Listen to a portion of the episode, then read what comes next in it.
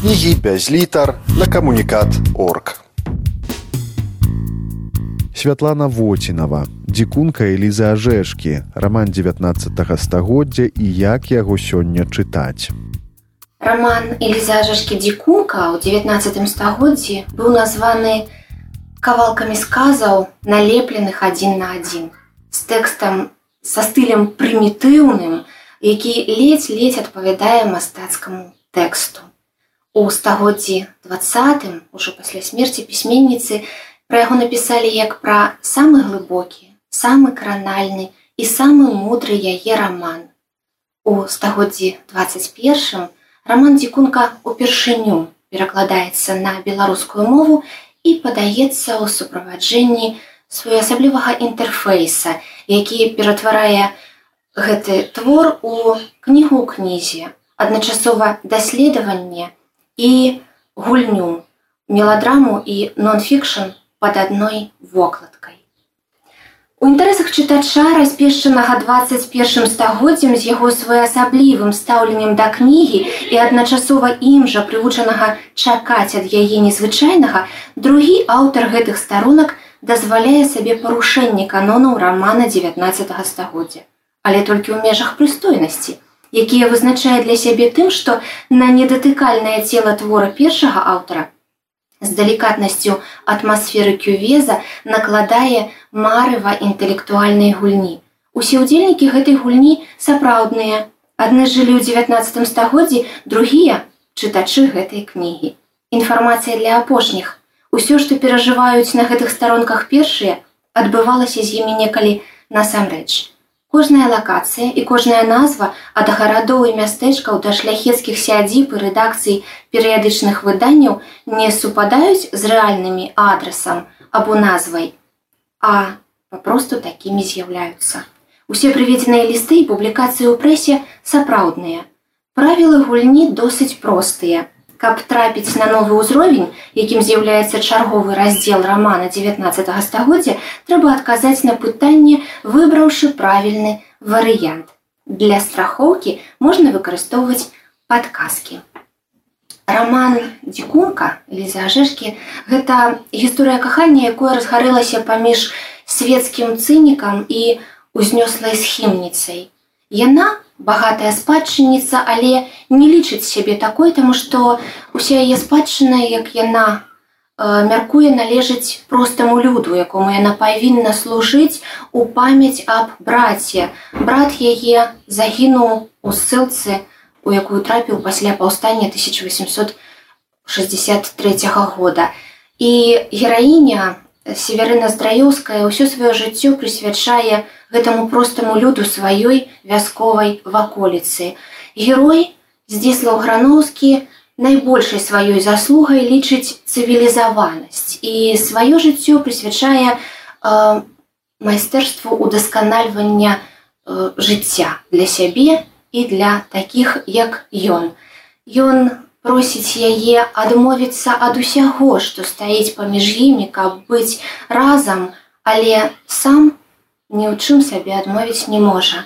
Яна сваё асабістае шчасце з ціхім плачам кладзе на алтар агульнай ідэі. Раман дзікунка выйшаў пад іншай назвай. Пісаўся ён як дзікунка, але выйшаў ён пад назвай два полюсы. Два героі сапраўды ўтвараюць два полюсы сваім бачаннем свету, стаўленнем да жыцця. Два полюсы гэта яго цывілізаванасць і яе дзікунства. Два полюсы гэта горад, дзе жыве ён, якога ён пакінуць не можа, і вёска пры самай пушчы, дзе жыве яна, якую яна таксама пакінуць не можа. Сапраўды два полюсы Эліза Ажышка імкнулася гэтым творам паказаць рознасць у разуменні цывілізаванасці. Тую рознасць у разуменні, якая існавала ў яе час у 19 стагоддзі, альтруістычная і эгоістычная, глыбокая і павярхоўная. Назаўтра трохі пазней, чым намерваўся, бо затрымала мяне некалькі абавязковых візітаў, я ўвайшоў у вітальню і далькі і ўбачыў мужчынскае футра. спытаў у лёкая, каму яно належыць і вельмі здзівіўся, пачуўшы прозвішча прафесара урача. У ідалькі ён ніколі не бываў, значыць, прыйшоў да паны здраёўскай. Я падумаў, што з боку такога паважанага чалавека, які не мае лішняга вольнага часу, гэты візіт доказ высокай павагі. Я не ведаў, што быў у яго яшчэ інтарэс з катэгорыі ўзнёслых. Сядзелі яны насупраць адно аднаго, абодва сур'ёзныя. Павітаўшыся са мною, увялі мяне паступова ў змест сваёй гутаркі, якую завяршылі ў маёй жа прысутнасці, але ў адсутнасці далькі, бо тая, канешне, была зноў занятая зменай вопраткі з ранішняй надзённую. Размова ішла пра пасяленне ў ваколіцы панны здраяўскай маладога ўрача, які адчуваў бы ў сабе жаданне служыць вясковаму люду. На ўчарашнім раўце панна Здраеўская пыталася ў прафесара, ці можна знайсці такую асобу, а ён, падумаўшы, прыбыў цяпер да яе, каб расказаць пра аднаго з вучняў, якога любіў больш за іншых і на якога найбольш спадзяваўся. Як чалавек практычны, ён падрабязна распытваў пра маральныя і матэрыяльныя акалічнасці і ўмовы будучага жыцця свайго пратэжэ. А панна Здраёўская распавядала яму пра іх гэтак жа падрабязна і з не меншай практычнасцю. Было адно мястэчка за некалькі міль ад красовец, так называлася яе ўладанне, у якім малады лекар мог бы пасяліцца і займець практыку, хоць і не вельмі вялікую былі там такія такія двары за столькі і столькі вёрст або міль ад таго мястэчка і гэтак далей мяне гэта не вельмі цікавіла і каб хоць нечым сябе забавіць я ўзяў са стола альбом і пачаў гартаць. Паступова мой інтарэс да размовы ўзрос. Я пачуў што мястэчка і нешматлікія двары могуць забяспечыць маладому доктару сродкі для ісва для існавання але такія мізэрныя і няпэўныя што не маглі б яны задаволіць нават самага заўзятага анахарета, але панна Здраёўская мае намер выправіць гэтую акалічнасць шляхам ахвяравання прыбыламу ратавальніку здароўя яе бліжніх штогадовай выплаты. Памер гэтай выплаты досыць істотны і ўсе перашкоды для пражывання ў той ваколіцы для лекара ліквідуе. У любым выпадку гэта будзе жыццё анахарета, Але для маладога чалавека, які адчувае ў сабе прызванне служыць людзям такое жыццё ледзь не мара. Панна Здраеўская абяцала плаціць маладому доктару з уласных сродкаў пры ўмове, што ён будзе пастаянна наведваць і красовіцы і суседнія з імі вёскі, колькасць якіх Разам з адлегласцямі ад іх да мястэчка яна пералічвала з узорнай дакладнасцю. Яе дзелавітасць, практычнасць і акуратнасць спалучаліся з нясмеласцю. Хвілінамі на яе накотвала хваля сарамлівасці і яна ружавела на вачах. Або раптам пачынала апраўдвацца, спрабуючы ўскласці адказнасць за свае намеры і ўчынкі на іншыя плечы. Вось і цяпер ціха тлумачыла я гэтым выконваю волю брата, бо ён гаварыў, што гэта прафесор, твар якога закамянелы ад доўгіх гадоў засяроджанай працы раптам засвяціўся і не дазволіў ён ёй дагаварыць. Ён устаў, з глыбокім паклонам пацалаваў ёй руку і сказаў некалькі вельмі кранальных слоў. Размова была скончана, але І праз хвіліну мы маглі б ужо застацца з паннай здраяўскай сам-насам, але ў той час, калі прафесор нарэшце выйшаў, у салон увайшла і далька. Увайшла ў дамашнім строі, ці то шэрым, ці то блакітным, усеяным бантамі і фальбонамі, як заўсёды ў гуморы, але ўжо занадта вясёлая і адразу пачала.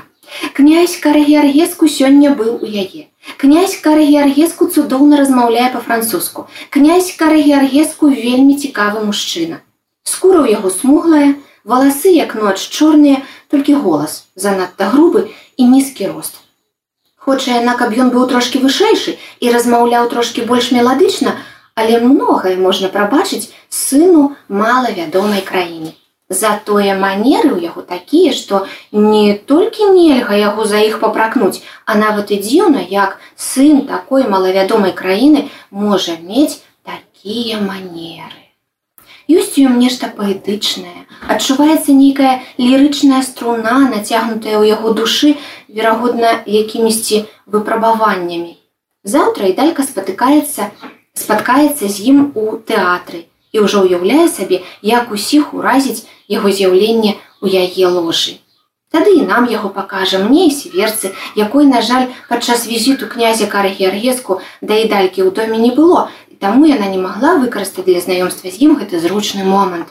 Потым так склалася, што і далька не магла прысутнічаць пры візіце, які быў нанесены сіверцы, пра што яна вельмі шкадуе, таму што прафесор, чалавек надзвычай заслужаны і паважаны, але калі ён прыйшоў, яна якраз пачынала мяняць туалет.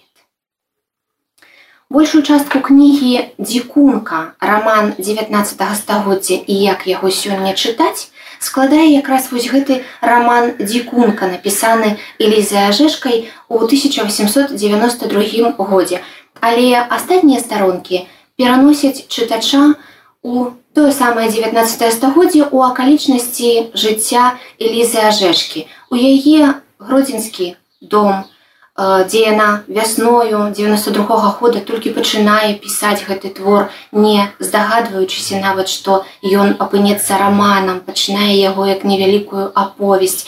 Потым у сядзібныя дамы ў панямуніі свіслачы дзе яна адпачывае дзе піша лісты сваім знаёмым блізкім дзе нарэшце завяршае тэкст рамана дзікунка а потым у варшаўскія выдавецтвы і петербургскія рэдакцыі, дзе рэдактары, супрацоўнікі чытаюць раман, захапляюцца і адначасова хапаюцца за галаву. Як гэта можна будзе надрукаваць, ніводзін цэнзар не прапусціць такі тэкст. Зразумела, пасля якіх падзей там усё адбываецца. Што будзе рабіць той хто замовіў гэты роман а гэта владислав богуслаўскі рэдактор выдання варшаўская бібліятэка як пакрэмзае роман спадар ивановскі цэнзар ивановскі які у кожным творы знаходзіць тое чаго ў ім нават і не планавалася быць. Ёсць канешне спадзяванне на яшчэ одно выданне на атэнеум. У ім працуе мэтр Пётр хмялёўскі Пётр хмялёўскі які спачатку вельмі крытыкаваў элізу ажэшку за яе шматслоўнасць за яе вадзяністасць яе тэкстаў але э, на гэты час на 1890 гады Пётр хмялёўскі вельмі паважае элізу ажэшку. І увогуле ён жа не проста рэдактор і крытык ён прафесор доктар навук ён э, чалавек такой смеласці якую можа сабе дазволіць Яны з цэнзарамі сябруе і аўтараў паважае аўтарытэт адным словам. І вось гаротны рукапіс дзікункі забраны з варшаўскай бібліятэкі сябрам, лепшым сябрам или за ажэшкі Леопольдам Меетам, яе варшаўскім літаратурным агентам, з якога яна, дарэчы, спісала некаторыя рысы характару для свайго героя здзіслава грановскага. І і меет імчыць стрымгалоў у закапаны, дзе ў гэты час летні адпачывае Пётр хмялёўскі, каб хаця б заручыцца папярэдняй падтрымкай, што гэты твор будзе надрукаваны, а там ужо як пашанцуе. Не пашанцавала. І заставалася ўжо толькі адна надзея на петербургскія рэдакцыі. Там працуе у выданні пад назвай край польскамоўным выданні разам пільц яшчэ адзін сябра или зажэшкі між іншым шмат якія творы якія не прайшлі э, цэнзуру у варшаве былі абсалютна спакойна надрукаваны у петербургскіх выданнях. І няма тут нічога парадаксальнага нічога дзіўнага просто сталічныя цэнзары апрыёры не такія строгія і як іншыя па-першае па-другое ўсё гэта такая ведаеце гульня ў высакароднасці усімагутнасць у такія гульні і ў наш час гуляюць. І вось э, э, край абяцае надрукаваць дзікунку. Але Ласкава прашу шаноўную пані памяняць назву рамана, каб яна не нагадвала назву дзікунка і ніякім чынам не намякала на змест той часткі твора, якая ўжо пабывала ў варшаўскіх руках. Дзікунка Элізы Ажэшкі, раман 19 стагоддзя як яго сёння чытаць, распавядае Святлана Воцінава. Увага пытання. Назва рамана мянялася двойчы. Дзікунка, потым два полісы, а якой была самая першая назва. Вось прыкладна так, чытаючы то старонкі рамана 19 стагоддзя, то э, іншы тэкст пераносячыся э, у рэальнасць Элізы. Ажэшкі чытач і прасоўваецца па кнізе дзікунка роман 19 стагоддзя як яго сёння чытаць. Як па сюжэту якой-небудзь камп'ютарнай гульні або па э, такому па сцэнарыі квеста якія цяпер вельмі модныя. Чытач 19 стагоддзя уяўляе сябе аўтар чытач 21 стагоддзя уяўляе сябе аўтарам 19 стагоддзя і пражывае частку сапраўднага жыцця Элізы ажэшкі ў яе сапраўдным акружэнні. Ён лістуецца з сябрамі, перамаўляецца з калегамі, спрабуе абысці цэнзуру, дамаўляецца з рэдактарамі, прымае парады лекараў і адпачывае ў коле блізкіх і дарагіх. На наступны дзень апоўдні я быў ужо ў ідалькі. Пра мяне тут не трэба было дакладаць. Я нават і не пытаўся, ці дома яна, бо калі не было яе дома, я, калі меў на тое ахвоту, уваходзіў і чакаў яе. Мы былі не толькі сваякамі, але і сябрамі з маленства. Увайшоўшы без дакладу ў пусты салон, я адразу ж пачуў гучны жаночы смех, які далятаў аднекуль спакояў. Смяяліся, аж заходзіліся. За будуарам такім самым бязлюдным як і салон за дзвярыма якія аддзялялі яго ад пакояў гэты няспынны вясёлы смех перасыпаўся невыразнымі словамі. Смяяліся тры жанчыны. Адна з іх і далька але хто другая і трэцяя? І з чаго яны так шалёна смяюцца? Не паспеў я пра гэта падумаць як дзверы адчыніліся нечаканай рэзка і ў будуар убегла, а лепш сказаць уляцела панна здраёўская з гучным і перарывістым скрозь смех крыкам: « Не хачу, не хачу, ні за што, пудзіла з мяне вы не зробіце. А за ёю і далька, адной рукой хапаючы яе за сукенку, а другой патрасаючы ў паветры грэбенем, таксама з крыкам: « Ты павінна, павінна!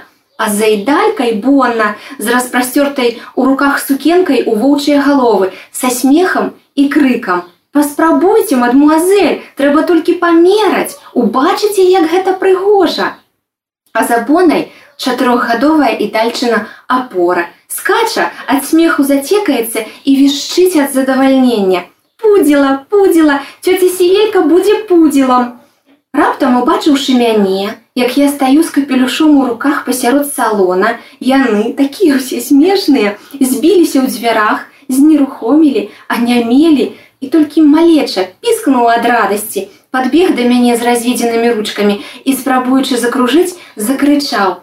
Цёця сівелька пілатвалыла маму у сябе а мама хоча цёцю сівельку пілатвалыць у сябе а цёця сівелька не даецца і гаворыць што яна будзе пудзілам Пагляды нашы за далькай сустрэліся і абодва мы пырснули смехам. Бо як жа яна выглядала. У сукенцы, па якой адразу было відаць, каму належыць, цёмнай, з нізкім станікам, спадніца роўнымі свабоднымі складкамі спадала да самай зямлі, белыя карункі ледзь заўважаліся на руках і шыі, валасы гладзенечка прылізаныя, сабраныя ў гульку. Здаецца, нічога не памянялася, толькі прычоска і строй, але з шыкоўнай дамы і далька ператварылася ў мокрую курыцу. Прыбраная пад цёцю сівельку, яна выглядала карыкатурна і смеючыся падала мне руку для вітання. Бачыш здзісю, ахвярай якой несправядлівасці я стала, спрачаліся з сіверкай сёння цэлую раніцу, як трэба апранацца, ажно прымусіла яна мяне апрануцца па-свойму, а сама сама ні завошта не хоча, каб і я яе па-свойму прыбрала. Як мы з паннай кларай не біліся, як не стараліся, высхлізвае з нашых рук нібы лінь, ды яшчэ крычыць, што не дасць зрабіць сябе пудзіла. Будь жа здзесь у нашым суддзёй. Скажы, хіба ж мы пудзілы? Хіба я пудзіла, хіба жанчына, якая апранаецца ў гірце, можа быць пудзілам? Панна Здраёўская, на кароткае імгненне сумеўшыся, зноў пачала смяяцца, а я, павітаўшыся з ёй глыбокім паклонам, ёй жа і адказаў на тлумныя пытанні і далькі. Запрошаны быць суддзёй, мушу выказаць меркаванне, што вы здзейснілі злачынства. Абражанне мае стату. Якога мае стату? спытала яна, гледзячы мне проста у твар вачыма, якія ад смеху блішчылі яшчэ больш. Моды, адказаў я, Такога маестату я не прызнаю. Найперш па той прычыне, што мода кожны год мусіць пакідаць свой трон. Кароль памёр, няхай жыве кароль, перапыніў я. А потым па той прычыне, што яна цывілізаваных людзей ператварае ў дзікуноў. Гэта нешта новае.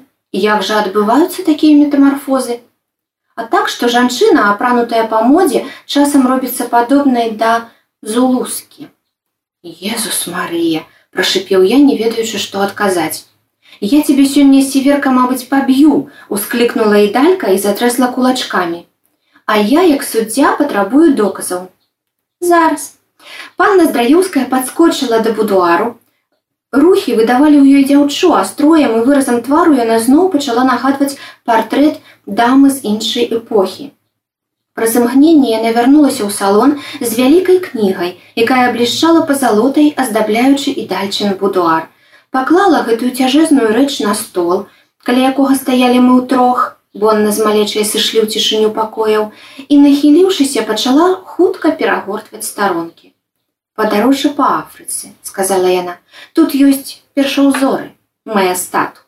Зараз зараз, вось, зулускі, бачыш і далька, якія ў іх валасы з патыліцы прыбраныя і ўверх зачасаныя, а ў гэтай сукенка спавівае ёй ногі так цесна цесна, але тут яшчэ ёсць адна ілюстрацыя, самая падобная. Зараз знайду і шукала і знаходзіла і паказвала і параўноўваючы і забаўна, бо параўнанні гэтыя былі вельмі трапнымі.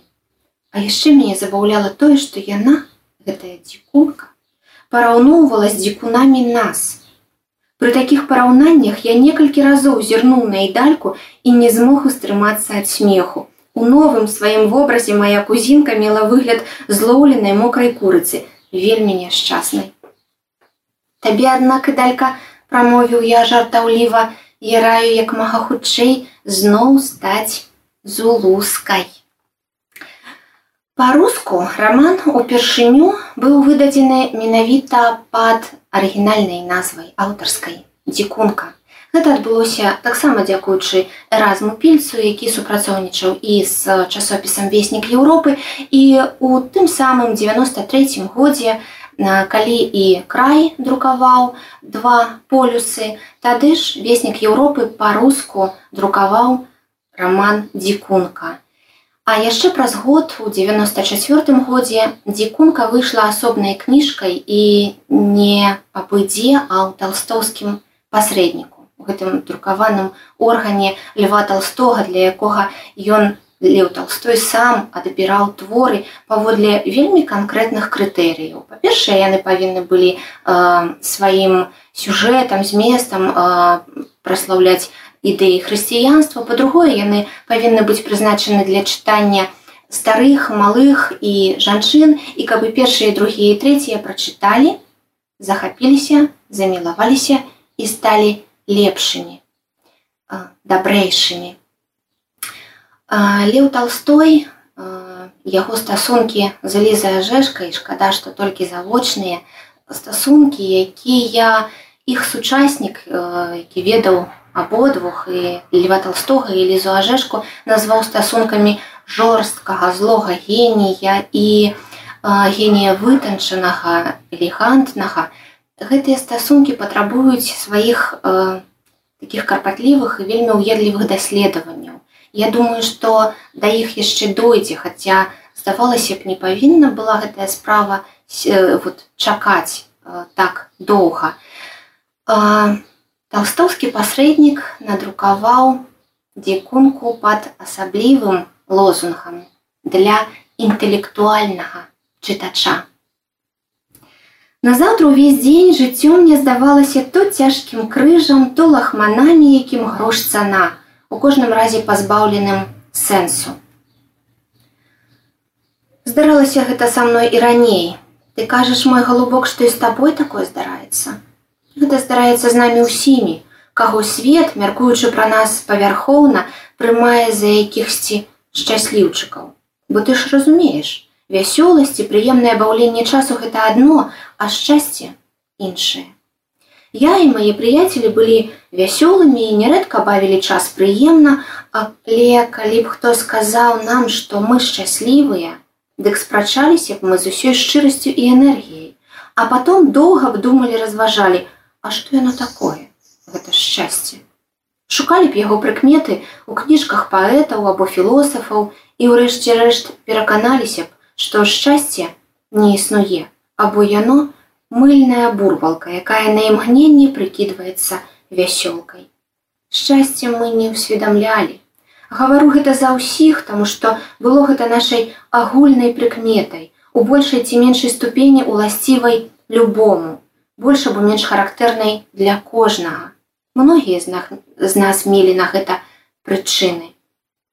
Нехта зведаў непрыемнасці ў сямейным жыцці, нехта пакутаваў ад даўгоў, нехта гнаўся ўвесь час і дарэмна за ідэаламі жанчыны і кахання, а былі і такія, хто не мог прыпісаць сваю незадаволенасць жыццём ніякай з гэтых прычын. І ні сабе, ні іншаму не здолеў бы патлумачыць дакладна, чаго ён увогуле хоча. Я быў такім. Ніякі азарт не парушаў маё фінансавае становішча. Ніякая жанчына не разбівала мне сэрца, ніякі бацылюс, ні туберкулёзны, ні іншы не асеў у маім арганізме. Я меў даволі значны доход, які атрымліваў нічога не робячы, а толькі дзякуючы руплівасці і сумленнасці эканома. Здароўе, калі не ўлічваць злёгку патрапаныя нервы, было ў мяне моцным. Жыццё маё бруіла крыніцамі задавальнення, Аднак здараліся дні і нават тыдні, на працягу якіх я ляпіў з пяску перажкі. Імкнучыся пазатыкаць імі шчыліны, праз якія далятаў да маёй душы непрыемны ветер меланхоліі.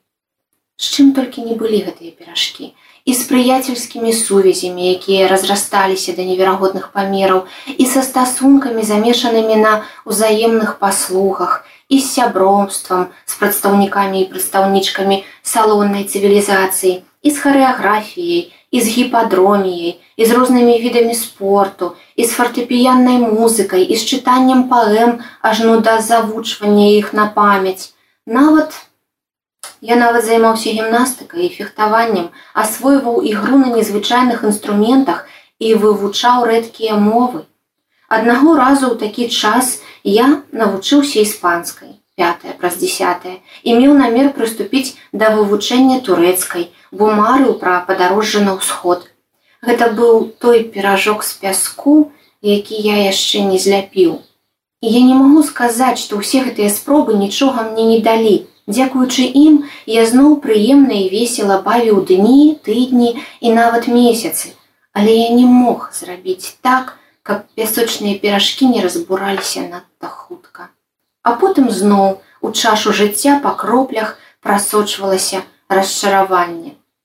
І так да той пары, пакуль пад руку не траплялася новая жменя ліпкага вільготнага пяску або новая саломінка з мыльнай вадой. Пры такім ладзе жыцця усялякая акалічнасць, нават у самай малой ступені нязручная ці непрыемная магла стаць штуршком да бездані роспачы. Ну натуральна, бо нягоды жыцця добра пераносяцца толькі тымі, каму гэтае жыццё ўклала ў душу цудоўную кветку шчасця. А хто такой кветкі не мае, таму даецца права патрабаваць, каб яго хаця б не калечылі церні. Калі ўсё маё багацце гэта ложак, высланы фіялкамі, дык няхай жа не падкладаюць у яго крапіву. Гэта адно, а другое, калі ты ўвесь час знаходзішся на вышынях парнаса любая нэнза выклікае у цябе агіду Таму, хто ўвесь час мае справу з інтэлігентнасцю, элегантнасцю і дасціпнасцю, з музыкай, паэзіяй і іншымі падобнымі райскімі птушкамі, нельга садзіць на галаву вераб'я ці ў руку даваць жабу. Гэта было б найвялікшай несправядлівасцю з усіх, што могуць здарыцца пад сонцам. Не трэба было сяліць мяне сярод райскіх птушак. Ці трэба было ад пачатку пасяліць з вераб'ямі і жабамі. Але ж не, жыццё такое, што колькі не абтрасай свае крылы ад яго гліны, заўсёды новае, новы яе кавалак да іх прылепіцца. Кніга дзікунка, роман 19 стагоддзя, як яго сёння чытаць, павінен сцвердзіць актуальнасць усяго таго, што пражывалася і чыталася тады у 19 стагоддзі. Тэмпара мутантур, але ці мяняемся мы.